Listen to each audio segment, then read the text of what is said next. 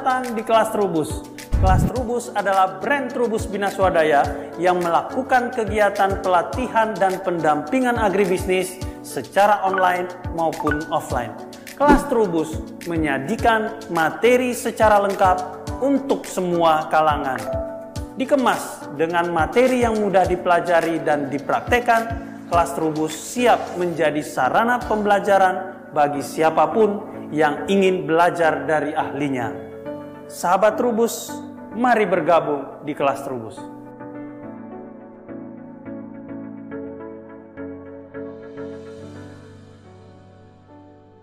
Halo, selamat sore sahabat Trubus. Apa kabar kalian semua? Masih semangat kan meskipun sekarang kita masih berada di fase PPKM. Nah, eh, saya Andari Titisari, redaksi majalah Trubus, menyapa kalian semua di sore hari yang cerah ini. Eh, kalian eh, yang ikut live di sore hari ini mungkin bertanya-tanya ini acara apa sih? Nah, selamat datang ya buat kalian semua. Ini adalah acara terbaru dari majalah Trubus, namanya adalah Trubus Podcast. Pengen tahu kan apa sih Trubus Podcast itu? Nah, kalau misalnya sahabat Trubus lebih akrab dengan acara reguler kami yang sering mengudara nih tiap hari Rabu jam 3 sore, itu adalah Trubus Talk ya. Di sana kita bahasnya tentang eh, komoditas pertanian. Kemarin biasanya kita bahas tentang pisang, kemarinnya lagi kita bahasnya tentang lobster bersama dengan narasumber terkait. Nah, kalau Trubus Podcast ini adalah untuk mendekatkan sahabat Trubus dengan majalah Trubus. Mungkin ada yang masih bertanya-tanya nih atau masih belum tahu majalah Trubus itu apa sih?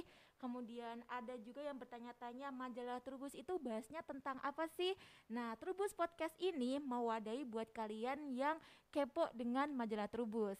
Tapi kayaknya eh, aneh banget ya kalau misalnya dari kalian masih bertanya-tanya majalah Trubus itu apa karena kita sendiri sudah terbit hampir lebih dari 50 tahun. Nah, ini untuk Trubus Podcast kalian bisa menyaksikannya live streaming di YouTube. YouTube kita adalah Trubus Channel setiap eh, minggu ketiga ya, hari Selasa minggu ketiga. Untuk tanggalnya akan kita beritahu terus di akun media sosial kita yaitu di Instagram, eh, Twitter maupun Facebook. Tapi buat kalian yang lebih seneng eh, dengerin suara aja nih atau saking sibuknya males ah buat eh, nonton YouTube kita juga ada di akun Spotify. Namanya adalah Trubus Podcast. Nah, di sana kita akan upload eh, rekaman ini setiap tanggal 26. Tapi khusus untuk edisi perdana, nanti kalian bisa dengerinnya di tanggal 3 Agustus.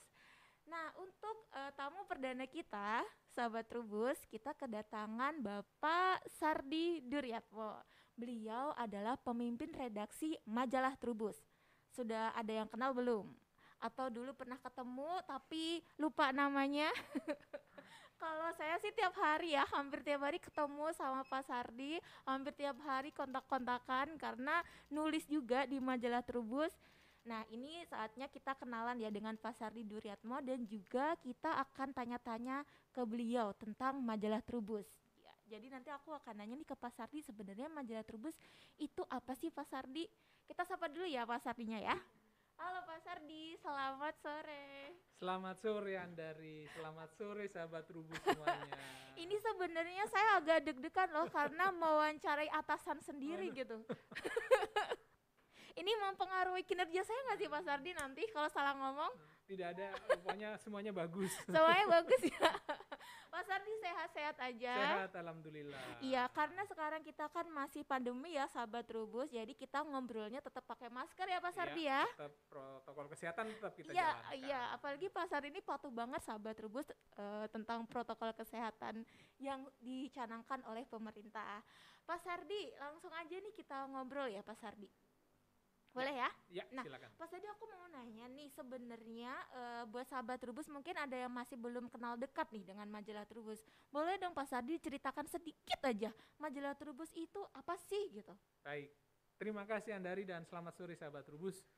Banyak juga yang beranggapan Trubus itu diambil dari bahasa Latin. Oh, Karena iya. ada us-us gitu kan. Oh yang ada us-usnya Ya, tuh bahasa Latin. bahasa Latin nih.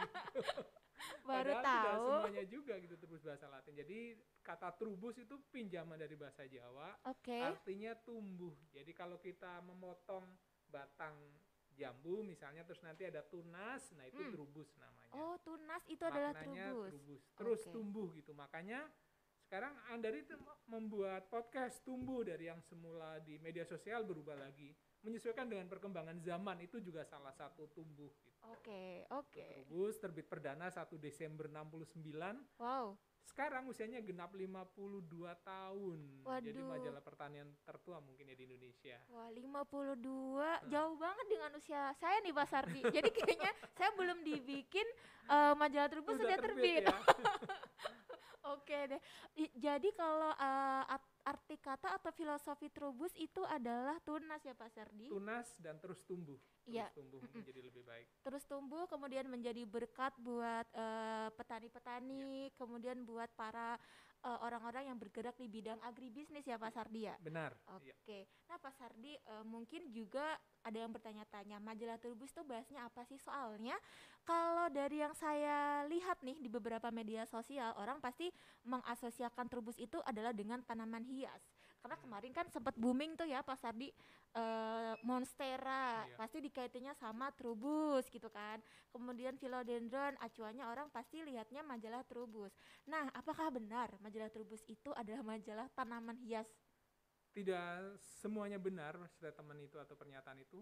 Jadi Trubus pada prinsipnya mengupas semua jenis semua produk eh, spesies di bumi ini untuk tanaman dan hewan. Oh oke. Bahkan jasa ternik mikroorganisme misalnya untuk pembuatan kapang, pupuk itu juga dibahas majalah Trubus. Jadi lengkap.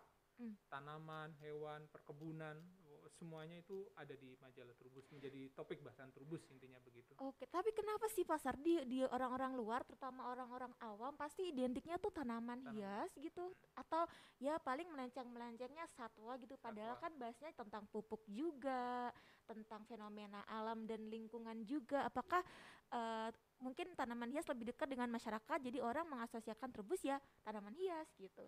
pertama sedang tren. Jadi kalau di kalau kita flashback ke belakang, dulu orang selalu membuat semacam apa ya gurauan. Jadi cover ya, cover trubus. Oh iya, Karena dulu kan eranya media cetak ya, jadi cover boy, co- cover girl itu sesuatu yang prestisius gitu. Mm. Diplesetkanlah ke cover trubus gitu. Jadi maksudnya untuk sebetulnya itu ada unsur eh, apa perundungan atau bullying sebetulnya. Dibully ya. iya, tapi sebenarnya orang itu juga Nah, tidak semuanya bahwa turbus itu identik dengan tanaman hias. Ada tanaman hias, boleh jadi karena sekarang sedang tren tanaman hias gitu, Mm-mm. sehingga orang mengaitkan dengan tanaman hias. Tapi prinsipnya isi turbus tuh apa ya, lengkap banget gitu, komplit tanaman hias, buah, sayuran, satwa, ikan, bahkan lingkungan hidup itu masuk. di Jadi cocok nih buat para milenial kan Mm-mm. sekarang itu lagi eh, getol-getolnya berwirausaha ya Pak Sari Iya, ya, terutama di eh, pertanian, di perkebunan, di perikanan. Nah, buat kalian yang baru mulai terjun, baca majalah Trubus itu bisa menjadi rekomendasi yang baik ya Pak Sardi ya. Satu lagi yang perlu Apa? juga saya sebutkan tis Andari eh, kan ada juga rubrik muda gitu. Hmm, apa Jadi itu, Pak Sardi? Muda Plus. Eh, isinya adalah anak-anak muda seperti sahabat Rubus yang bergerak di bidang pertanian. Mereka sukses tentu tidak gampang memang sukses. Mm-mm. Jadi dari kegagalan-kegagalan yang dilakukan oleh eh, para pelaku agribisnis, kita sebetulnya bisa belajar banyak gitu. Oh, jadi Trubus Plus. eh, ini ya mengangkat artikel mengenai kisah anak-anak muda Iya. yang bergerak di bidang pertanian. Persis, anak-anak muda di bidang pertanian. Ini kenapa harus anak muda sih? Iya, Turbus itu memperhatikan anak muda. Oh, karena pertama sih kemarin kaget ketika lihat statistik dari apa temuan terbaru, ternyata petani kita pada umumnya 60 persen itu usianya sudah di atas 50 tahun. Menarik kan? Sementara petani-petani muda itu sekitar eh, 12 persen. Oleh karena itu kita menggairahkan juga anak-anak muda, yuk oh, kita bangga menjadi petani. Gitu. Iya, harus bangga jadi petani dan Iya. itu diwadahi loh sahabat Trubus sama majalah Trubus. Iya. Jadi kalau misalnya nih Pak Sardi ada sahabat Trubus nih yang beternak di daerah misalnya beternak sapi di daerah mana gitu kemudian sukses berhasil mengangkat eh, kesejahteraan diri sendiri dan masyarakat itu juga bisa diwadahi di majalah Trubus. Persis, kira-kira begitu konkretnya. Wow, Iya. wow. Oh, kalau gitu saya mau beternak dulu ya Mas Sardi. itu biar jadi narasumber di majalah Trubus ya. nah, itu baru rubrik muda ya yang kita bahas ya sahabat Trubus. Nah, Pak Sardi, selain rubrik muda, ada nggak sih eh, rubrik-rubrik tertentu di majalah Trubus gitu? Ya, yang paling utama ini uh, cover story sebetulnya namanya topik gitu. Hmm. Laporan utama majalah Trubus itu yang pengaruhnya sebetulnya cukup besar gitu. Kadang orang lihat covernya apa itu, oh beli ah karena menarik gitu. Oh, Oke. Nah, nah itu topik yang menjadi andalan utama majalah Trubus setiap bulan isinya ganti. Yang kedua eh, karena ini majalah pertanian jadi pendekatannya komoditas. Ada rubrik buah, sayuran, perkebunan, satwa, perikanan, lingkungan hidup dan eksplorasi. Hmm. Nah, ini juga salah satu rubrik yang andalan di majalah Trubus gitu, mengangkat spesies-spesies langka. Kadang liputannya ke hutan, ke apa menyelam di bawah samudera, naik ke atas gunung dan seterusnya. Jadi Trubus tidak hanya bicara pertanian tadi saya katakan, tapi juga Trubus bicara semua spesies, semua komoditas gitu. Wah, asik banget. Jadi eh, menyelam ke samudera juga serius Iya. nih. Iya, menyelam ke samudera. Trubus liputannya itu tidak hanya di ladang-ladang pertanian. gitu. Ah, ah. Berat banget sih Pak jadi reporter majalah Trubus. Iya, harus Harus tangguh. bisa nyelam gitu, biar Iya. bisa eh, ngeliput di da- di dasar, laut gitu. samudera, Iya. Wow. Pernah juga liputan ke gunung mana gitu men- mendatangi daerah yang ekstrim gitu nggak sih Pak Sardi? liputan di gunung di hutan ya kami beberapa reporter Trubus bermalam sampai 10 hari di tengah hutan gitu. Waduh. identifikasi buah tropis di Waduh. sana gitu ya di tapal batas dulu masih Kalimantan Timur gitu ya kemarin terus berubah sekarang Kalimantan Utara di Kabupaten Malinau gitu itu kami eh, di situ di Kutai Barat kemudian ke apa berbagai sentra buah tropika di Indonesia itu semuanya didatangi Trubus karena itu merupakan kekayaan kita dan eh, harus diselamatkan intinya gitu. Waduh, berarti eh, bukan cuman mendatangin petani aja, tapi Mm-mm. eksplorasi ke samudra, eksplorasi ke hutan. Kalau nggak salah, saya pernah baca juga eksplorasi ke pedalaman hutan buat lihat ini ya, Pak Sardi. Nepenthes kalau nggak salah. Persis, Wah. Nepenthes atau kantong semar termasuk salah satu kekayaan kita Ya juga. itu gitu. asal sahabat Trubus tahu ya itu sekitaran tahun berapa Pak Sardi? Eh, terakhir 2009 2010 masih apa Nepenthes sedang booming boomingnya kami lakukan. Ya benar dan itu fotonya epic banget sahabat Trubus. Eh, ini reporternya tuh sampai jongkok-jongkok di bawah di bawah apa tegakan hutan buat moto Nepenthes tuh kan lum kecil ya. Ada yang Iya. besar ada yang kecil ya, tapi yang Iya. di hutan tuh kecil ya. kecil ya. Mm-mm. Ke Gunung Selamat termasuk juga gitu mengirim reporter gitu. Eh, reporternya tang nggak tanggung perempuan juga dikirim ke sana. Jadi Waduh. reporter Trubus tangguh. Superwoman gitu. ya. Gunung Selamat sampai dia tersesat gitu eh, muter-muter eh, karena tidak apa menemukan jalurnya itu Hmm. agak sulit ya di Gunung Selamat dan akhirnya bisa eh, turun gitu dan selamat. jadi di balik eh, liputan apa di majalah Trubus itu di baliknya itu wartawan Trubus all out Wah. mempe- apa, mencari yang terbaik eh, dan kemudian menyajikan yang terbaik juga Dan eh, perlu sahabat Trubus tahu untuk foto-foto di majalah Trubus itu adalah foto original ya Pak Sardi ya, Iya. yang kita foto sendiri, kemudian kita olah sendiri, bertemu langsung dengan komoditas maupun petani atau eh, narasumber yang bersangkutan. Nah tadi kalau nggak salah ada rubrik yang namanya rubrik topik ya Pak Sardi dan yang ada di cover itu dinamakan dengan rubrik topik Iya. atau gimana? benar Benar. jadi perwakilan itu di cover gitu udah kelihatan oh cover eh, topiknya apa nih biasanya udah tercermin di cover Hmm, oh, topik itu adalah isu utama atau sajian utama ya? persis isu Nah, utama atau itu sajian utama ada di cover. Misalnya sa- eh, covernya itu adalah pisang, itu berarti sajian utamanya tentang pisang, pisang. Iya. covernya aglonema seperti yang ada di sini. berarti itu bahasannya utamanya adalah tentang aglonema. iya. Oh, Oke, oke. Semoga sahabat Trubus paham ya, biar nanti eh, nggak bertanya-tanya lagi. Ini topik utamanya apa sih? Kalau nggak salah, yang dimaksud dengan topik itu yang sedang ngetren atau ada kriteria tertentu gitu, Pak Sardi? Ya, yang dijadikan topik itu kami menggunakan beragam alat ukur gitu. Artinya tidak, ya udah ini, ya udah ini tidak gitu. Jadi polanya eh, kan di majalah Trubus ada beberapa kompartemen atau des kan. Oke. Ada des sayuran, des perkebunan, des perikanan, des buah, tanaman hias.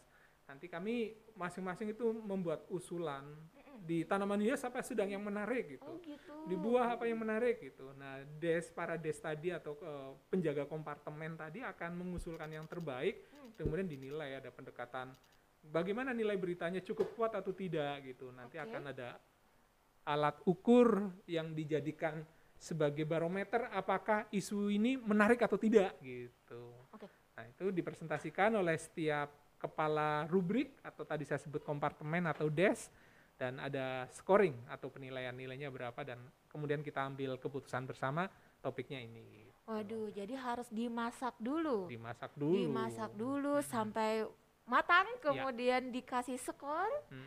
eh, kemudian barulah diputuskan mana yang cocok untuk dijadikan topik. Persis. Gitu, waduh. Banyak pertimbangan panjang gitu ya. banget sih Pak Sardi eh, Iya. alurnya.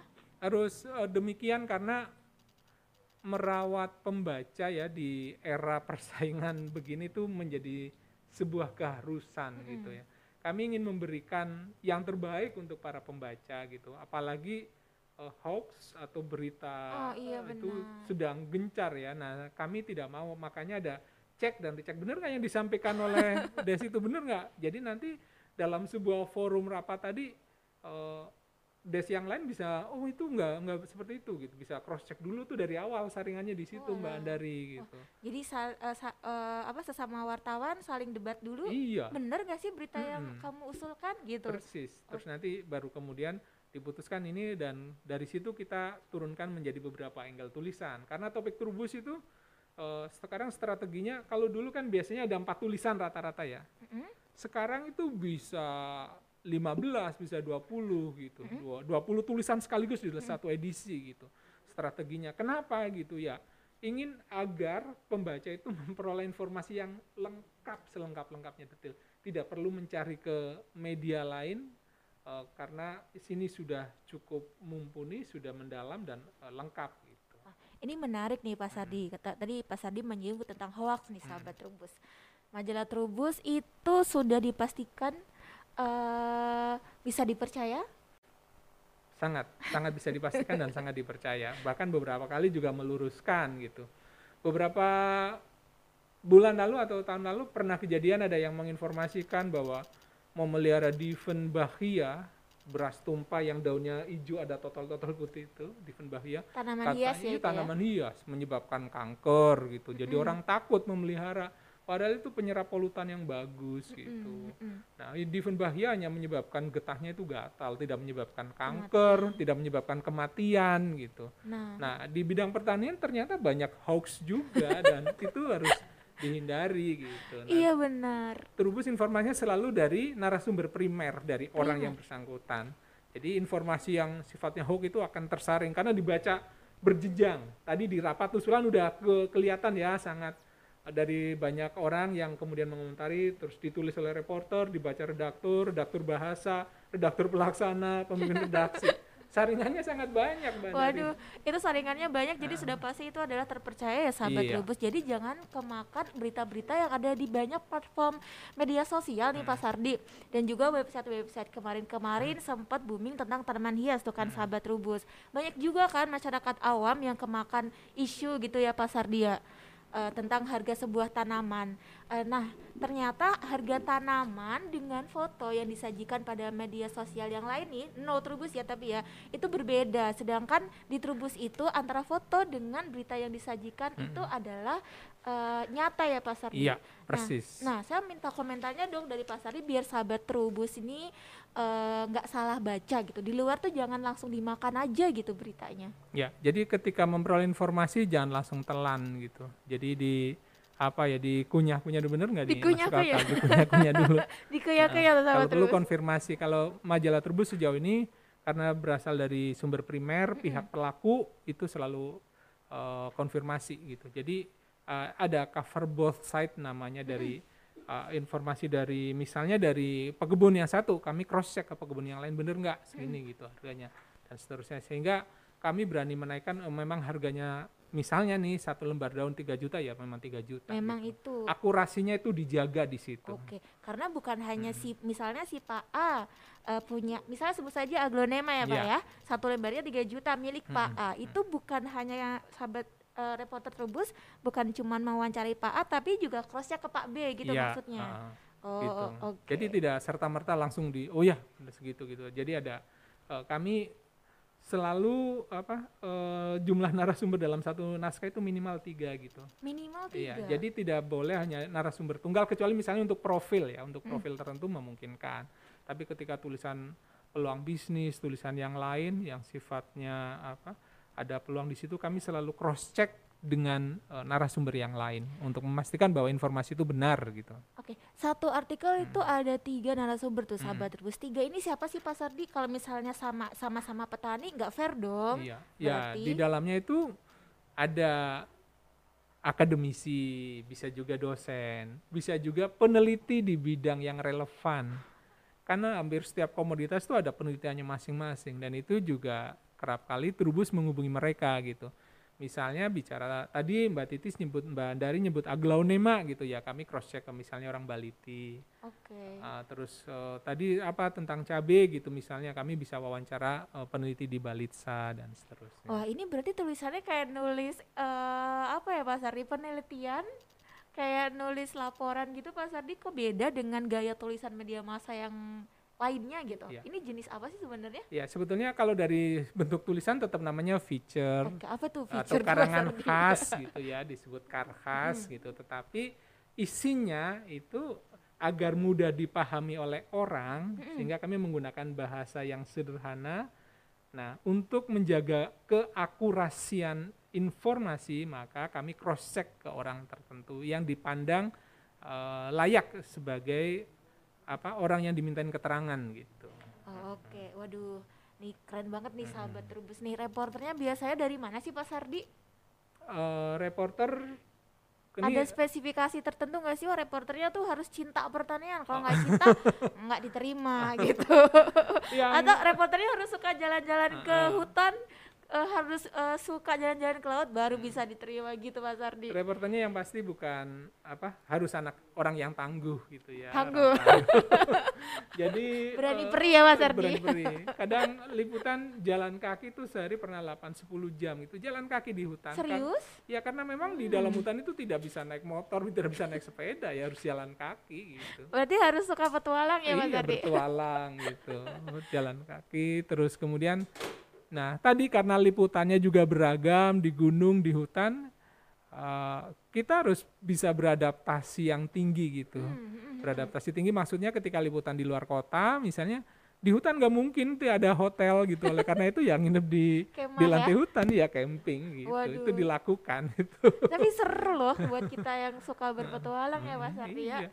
Nah, Pak Sadi kita kan udah eh, ngobrol nih. Jadi sahabat Trubus jadi ada gambaran Hmm. eh, isi majalah Trubus itu apa, kemudian cara menampilkan eh, berita di majalah Trubus itu seperti apa. Karena kan untuk eh, artikel pertanian itu kan ada trik ya Pak ya Sardi ya. Iya, Biar betul. nggak bosen tuh caranya gimana gitu kan ya Pak Sardi. Iya, persis.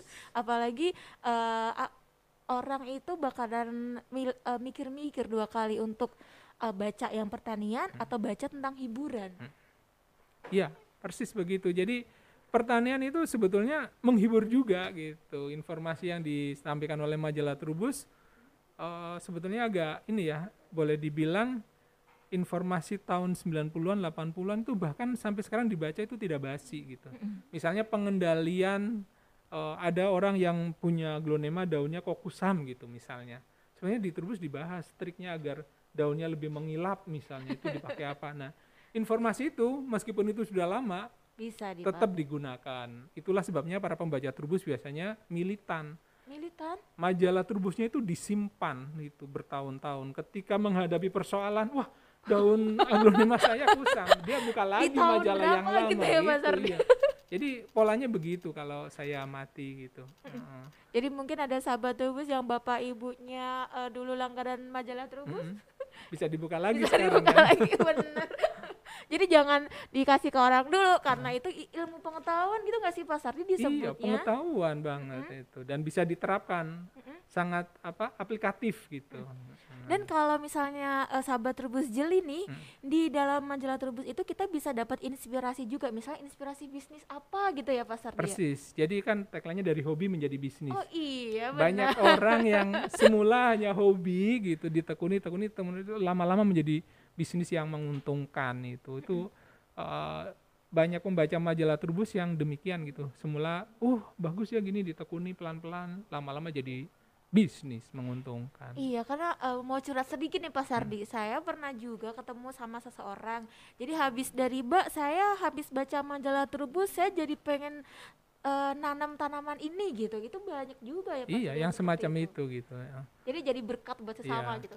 Nah, itu kalau apa secara ilmiah sebetulnya bisa dijelaskan Gimana kalau tuh? Nah, karena majalah Trubus itu menyebabkan itu kan berarti ada dampak ya, hmm. dampak penerbitan Trubus.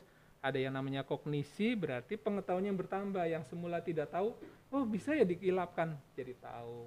Oh, Afeksi okay. berarti ada semacam rasa senang gitu, wah saya jadi senang ada ini apa lidah mertua di dalam ruangan ternyata bisa menyerap polutan ya, waduh senang ruangannya jadi segar.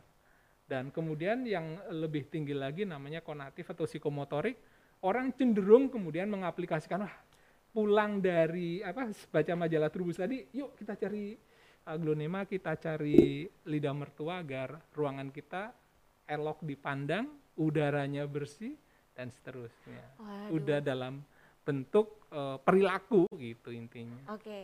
Nah, Pak Sardi, uh, sahabat Trubus biar lebih dekat dengan uh, majalah Trubus, mungkin kali bicara tentang hobi ya Pak Sardi yeah. ya.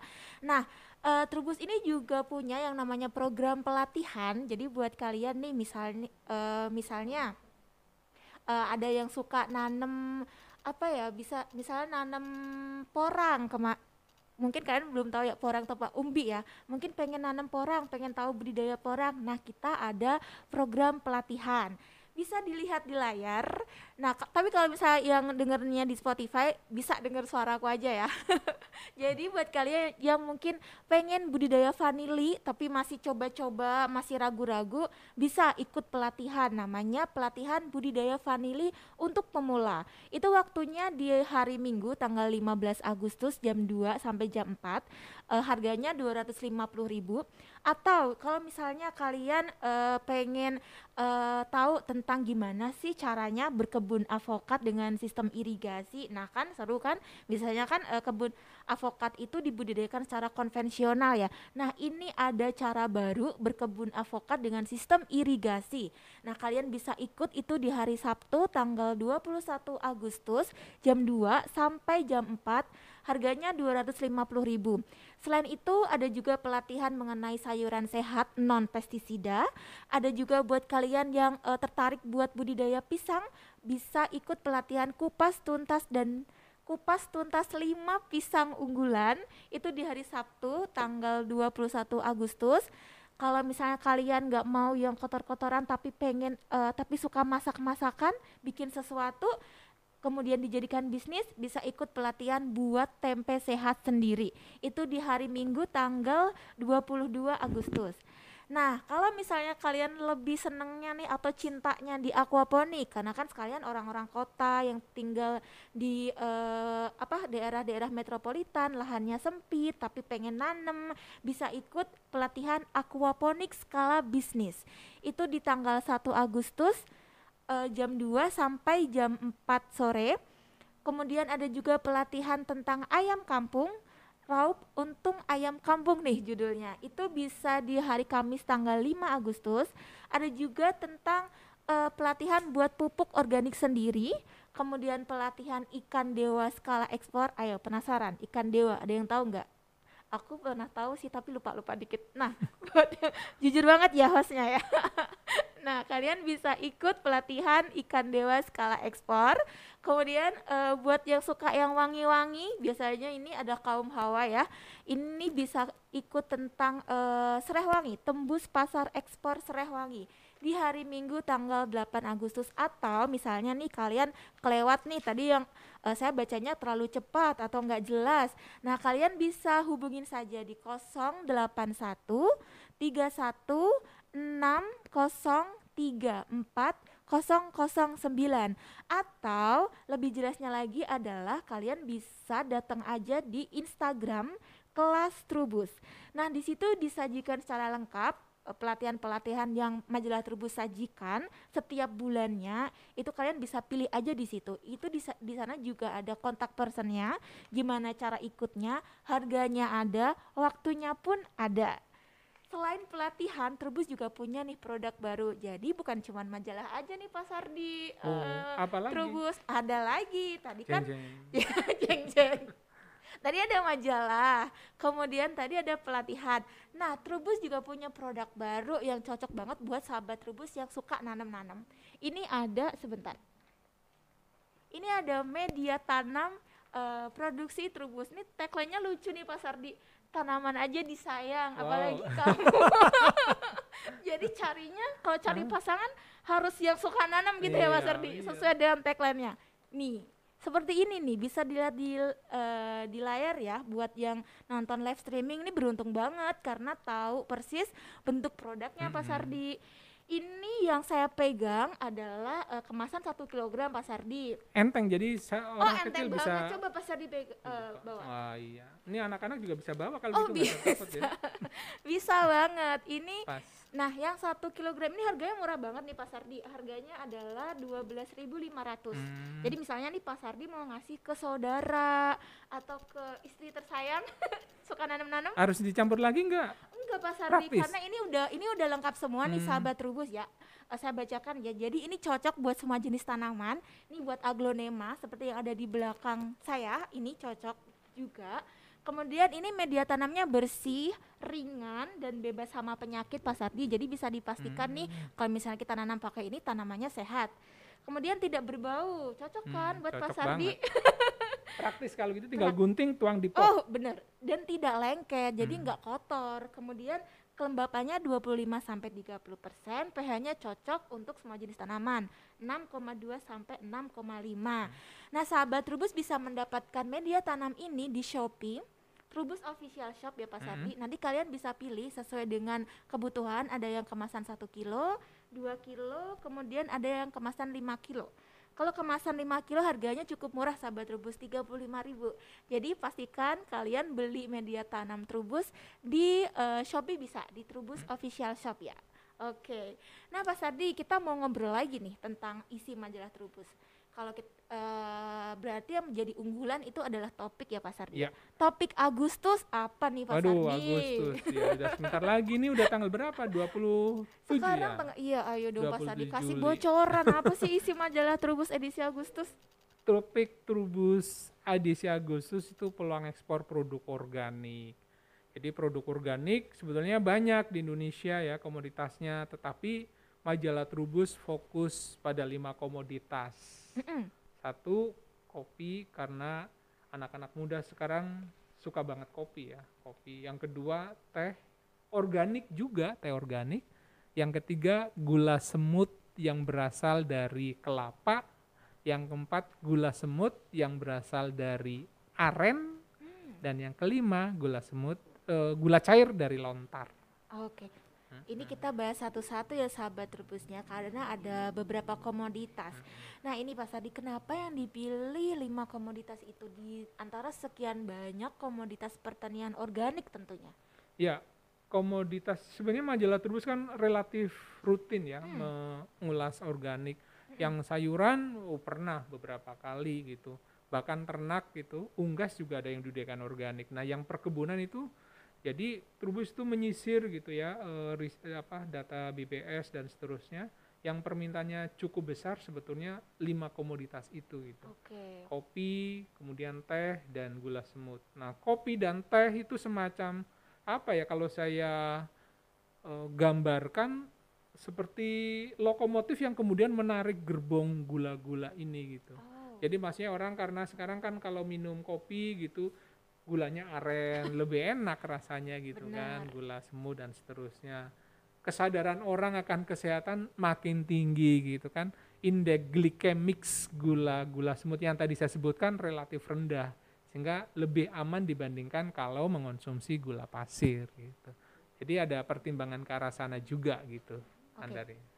Nah kemudian um, bicara tentang kopi organik Uh, bedanya apa Pak Sadi dengan kopi-kopi yang lain? Ya, sebetulnya pada prinsipnya yang disebut organik itu proses gitu. Proses, proses oke. budidaya di dalamnya eh, orang tidak serta merta wah ada hama yes, semprot pakai pestisida ada penyakit ngaduk apa fungisida lalu semprotkan Hmm. jadi melihat pertama proses ambang batas yang kedua eh, kalaupun harus eh, lebih disarankan pencegahan gitu misalnya pakai yellow trap menanam refugia di samping atau di sekeliling kebun kopi gitu. Itu upaya-upaya pencegahan.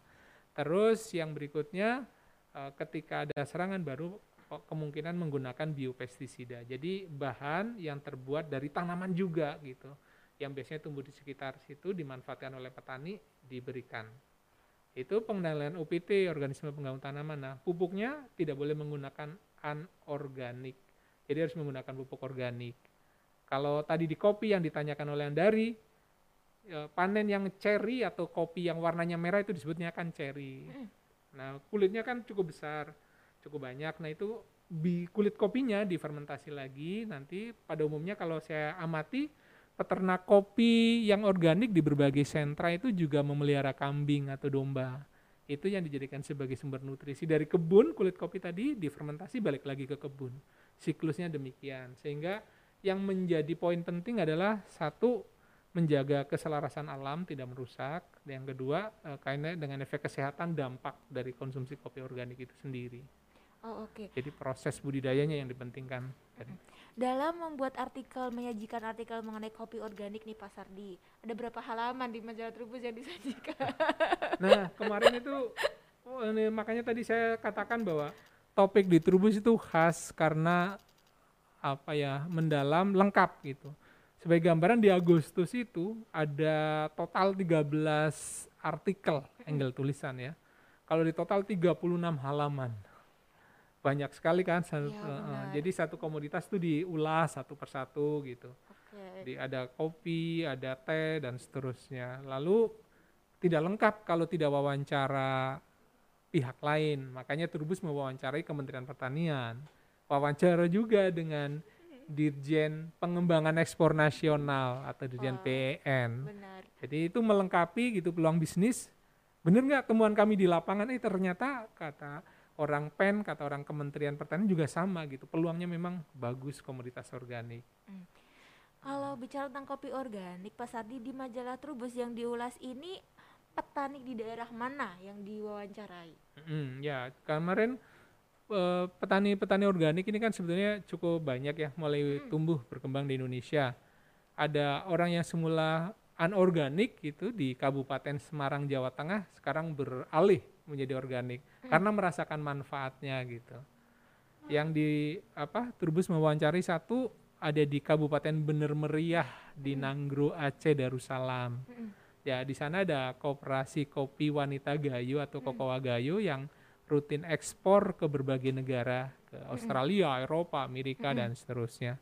Ada juga eh, untuk jadi itu pasar ekspor tapi tidak bisa juga dilupakan pasar domestik atau lokal. Betul betul. Majalah Turbus menghubungi petani lain di Kabupaten Bandung, di Pangalengan, yang juga mengusahakan kopi. Di sana ada koperasi Marga Mulia yang mengembang. Ada 60 petani anggotanya di situ mengembangkan organik juga dan memasok ke berbagai kedai kopi yang ada di Bandung, Surabaya, Yogyakarta, dan Jakarta, serta Sumatera Utara.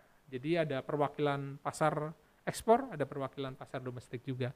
Memotret eh, bagaimana kondisi pasar itu intinya itu. Peluang bisnisnya? Kalau saya lihat sih kemarin dari para narasumber sebetulnya menarik ya. Saya contohkan saja gitu. Ada pekebun kopi yang di Pangalengan. Coba bayangkan. Kemampuan permintaan 25 ton per minggu organik tetapi yang bisa dipasok hanya 5 ton. Jadi oh, itu cukup besar eh, ya. masih banyak, Banyak. ceruknya ya Pak Sardi Iya, ya? ada satu lagi permintaan yang saya ingat itu dari beras tagi Sumatera Utara. Permintaannya 15 ton. Kemampuan pasoknya hanya 2 ton gitu. Jadi banyak apa kesenjangan antara kemampuan pasok dan sebetulnya permintaan itu cukup apa eh, cukup besar gitu ya kalau diusahakan. Jadi makanya tadi saya contohkan di Semarang ada orang yang semula mengebunkan kopi non organik, beralih ke beralih ke- organik karena kalau dari sisi harga sebetulnya menarik. Sebagai disebutin. gambaran, ya kalau tadi jual cherry yang baru panen biji kopi merah itu namanya cherry, orang menyebutnya. Itu selisihnya bisa antara 1000 sampai 2000 rupiah per kilogram. Hmm, Padahal kalau kopi itu satu pohon produktivitasnya rata-rata di Indonesia antara 4 sampai 6 kilogram dalam em, satu tahun gitu ya. Kalau jualnya udah green bean, jadi setelah tadi diolah gitu menjadi yang siap sangrai itu harganya bisa saat ini 61 sampai 65 ribu rupiah per kilogram. Selisihnya bisa antara 9 ribu rupiah per kilo.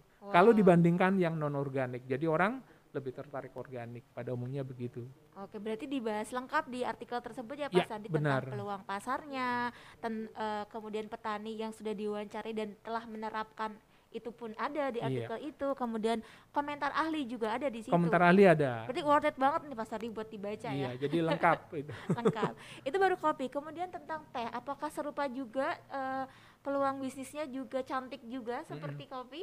Persis. Jadi yang kami tampilkan eh, selalu apa eh, memang yang dicari peluang bisnisnya yang bagus Mm, gitu. Ada eh, eksportir yang mengekspor sampai apa teh hitam, teh putih itu sampai ratusan ton ya per dua bulan per tiga bulan gitu.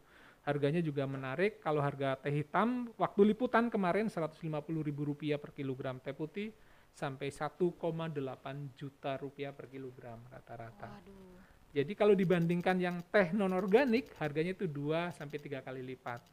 Nah, makanya ada orang yang mengatakan bisnis organik itu kalau disetarakan kayak fashion, baju itu ya butik gitu.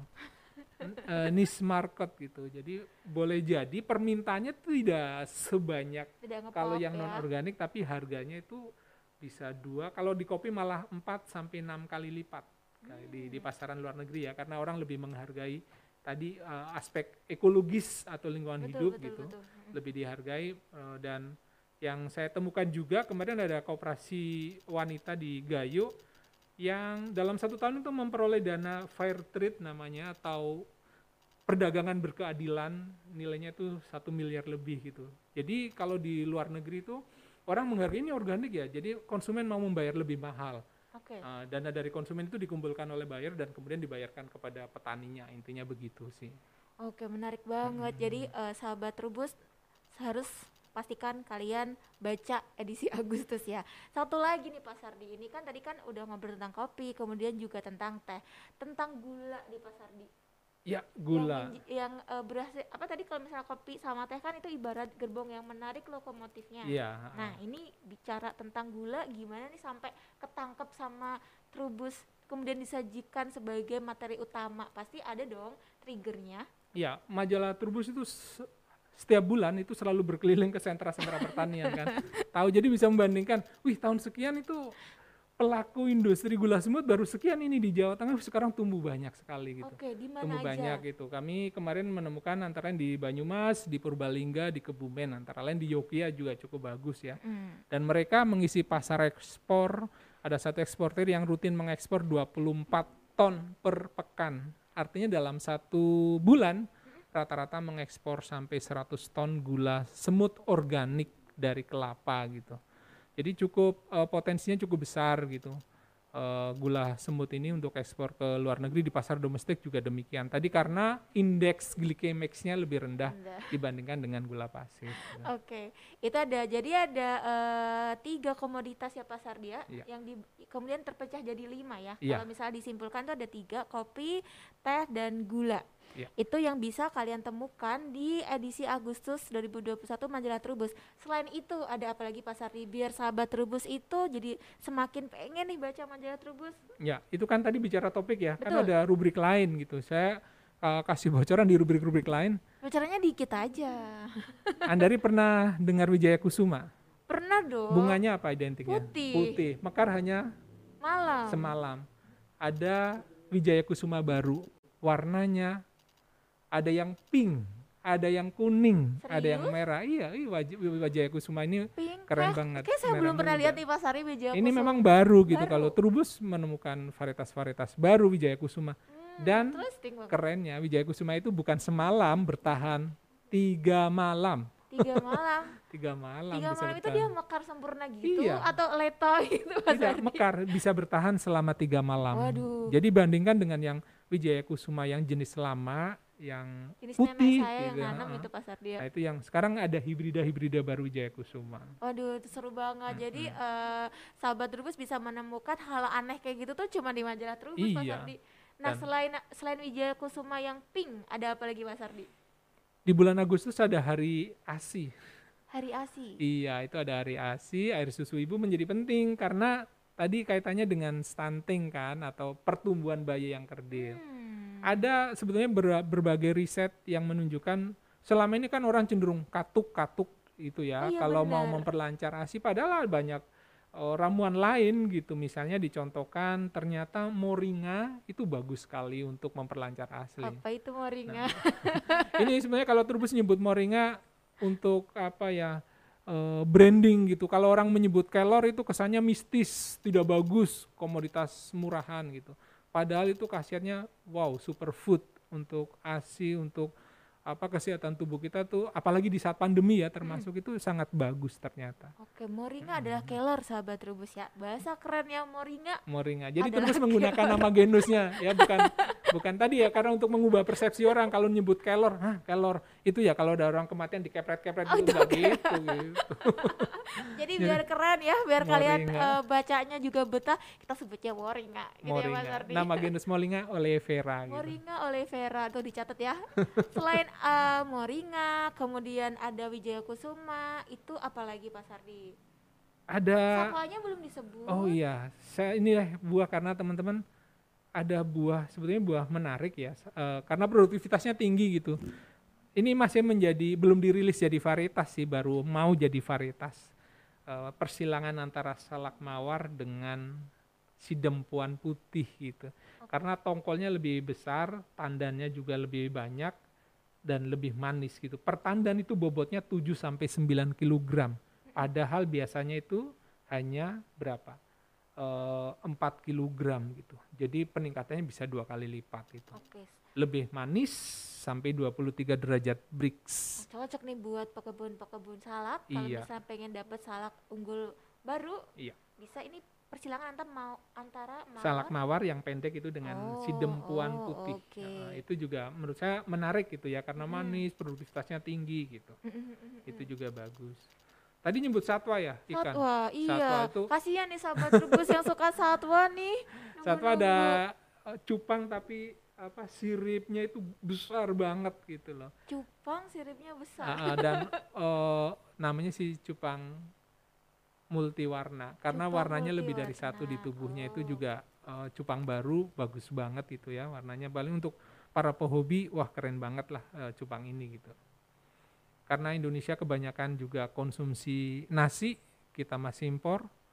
Turbus juga mengulas Tentang bakteri yang bisa eh, menjaga tanaman padi ketika kekeringan oke. karena dalam satu tahun luas sawah di Indonesia yang dilanda kekeringan itu sampai 200 ribu hektar. Bayangkan Oh, banyak juga satu hektar sawah di nih. Indonesia itu rata-rata berapa menghasilkannya? 6 ton rata-rata nasional. Jadi 6 kalau misalnya anggaplah 30% yang gagal panen. Berarti 30% kali menjadi berapa? 360 ton. Sekian pokoknya. Iya, sekian. Nah, itu cukup Banyak soalnya. signifikan. Nah, kalau mau menebar benih tadi, petani memberikan larutan yang mengandung bakteri tadi, maka padi di meskipun kekeringan, dicekam kekeringan masih bisa panen gitu. Oh, oke. Intinya gitu. Bagus banget nih buat eh, para petani padi ya Pak Sardi ya. Iya. Bisa baca di artikel ini. Nah Pak Sardi ini sudah di penghujung. Ya, Oh udah iya, di penghujung acara banget ya. Iya.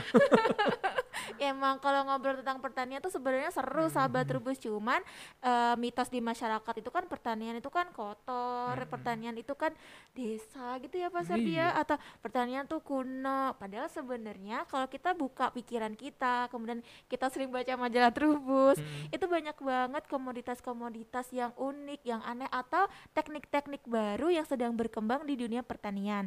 Nah, Pak Sardi ada pesan gak ini buat sahabat Trubus biar dengerin podcast kita nih Mas Ardi atau mau baca majalah Trubus? Ya, baca majalah Trubus di pasaran sudah beredar uh, hari ini ya. Edisi Agustus kan harus lebih awal, Oke. tiga empat hari. Ya, Jadi kalau Agustus uh, untuk pelanggan udah sudah terima tanggal. Jadi kalau misalnya buat jadi yang pertama harus jadi pelanggan Mas Ardi. lebih awal, lebih awal empat hari. Ya diprioritaskan dong kalau pelanggan. Jadi kalau misalnya kalian pengen eh, apa pengen jadi yang pertama nih, pengen tahu apa sih isi Trubus atau apa sih yang lagi ngetren harus jadi pelanggan. Ya, jadi Gitu. pelanggan Oh, majalah Oke, Trubus. kalau pengen jadi pelanggan, kalian bisa eh, lihat di akun Instagram majalah Trubus ya. Di situ kalian bisa tahu, bisa daftar buat jadi pelanggan.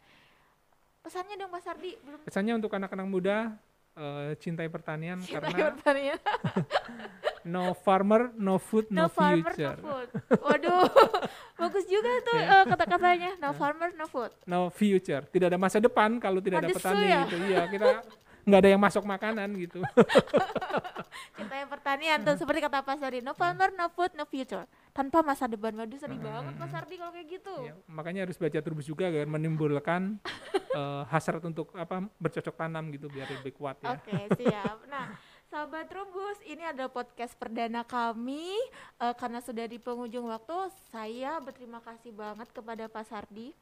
Terima kasih juga dari dan sahabat Trubus Iya. sore hari ini. Nah, kan jadi kalian tahu kan eh, isi dari majalah Trubus seperti apa, editorialnya seperti apa dan juga tadi Pak Sardi jelasin ke kita kalau ada eh, bunga Wijaya Kusuma yang warnanya pink dari mana coba kalian tahu berita itu kalau nggak dari majalah Trubus. Ya kan Pak Sardi? Iya. Kemudian kalian juga tahu tentang eh, ceruk pasar sebuah komoditas. Kalau tadi yang dibahas tentang kopi, teh dan gula, kalian tahu kan ternyata kopi, teh dan gula semut itu masih banyak peluang bisnisnya yang bisa kita manfaatkan. Ada begitu banyak inspirasi yang kita bisa ambil dari majalah Trubus ya Pak Sardi ya. Ya, persis. Ya, pastikan kalian berlangganan majalah Trubus atau membaca majalah Trubus bisa kalian dapatkan di toko-toko buku atau kalian bisa pesen di Trubus official di Shopee maupun di Tokopedia. Dan jangan lupa dengerin Trubus Talk setiap hari Rabu di Instagram jam 3 sore dan podcast Trubus setiap tanggal 26 di Spotify. Terima kasih Pak Sardi. Terima kasih dari sahabat semuanya. Trubus yang sudah bergabung di live streaming Trubus Podcast di YouTube Trubus Channel jam 3 sore sampai jam 4 sore. Saya akhiri podcast perdana ini. Sampai jumpa sahabat Trubus, sampai ketemu.